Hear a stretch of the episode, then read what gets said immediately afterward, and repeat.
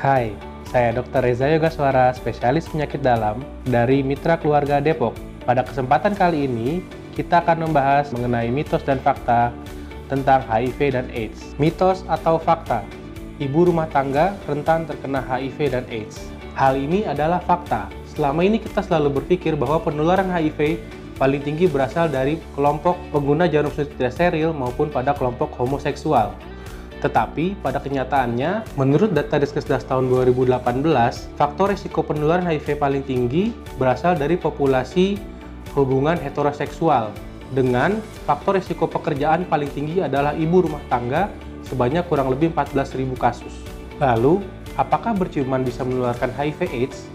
Hal ini adalah mitos Menurut CDC Amerika, virus HIV tidak ditularkan melalui air ludah, air keringat, maupun air mata. Virus HIV dapat ditularkan melalui hubungan seksual yang tidak aman, penggunaan jarum suntik yang tidak steril, maupun dari ibu yang terinfeksi HIV yang dapat menularkan ke anaknya bila tidak ditangani dengan baik.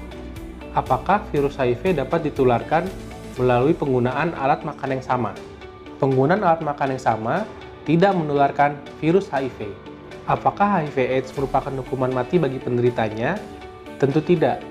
Dengan modalitas terapi ARV saat ini, aktivitas virus HIV dapat kita tekan hingga tidak terdeteksi, sehingga seorang penderita HIV dapat bekerja seperti biasa, asalkan obatnya diminum secara teratur. Sekian pembahasan kali ini tentang mitos fakta seputar HIV dan AIDS. Apabila Anda membutuhkan informasi lebih lanjut, silakan hubungi mitra keluarga. Sampai jumpa di sesi pembahasan kesehatan selanjutnya. Mitra Keluarga Life, Love, Laughter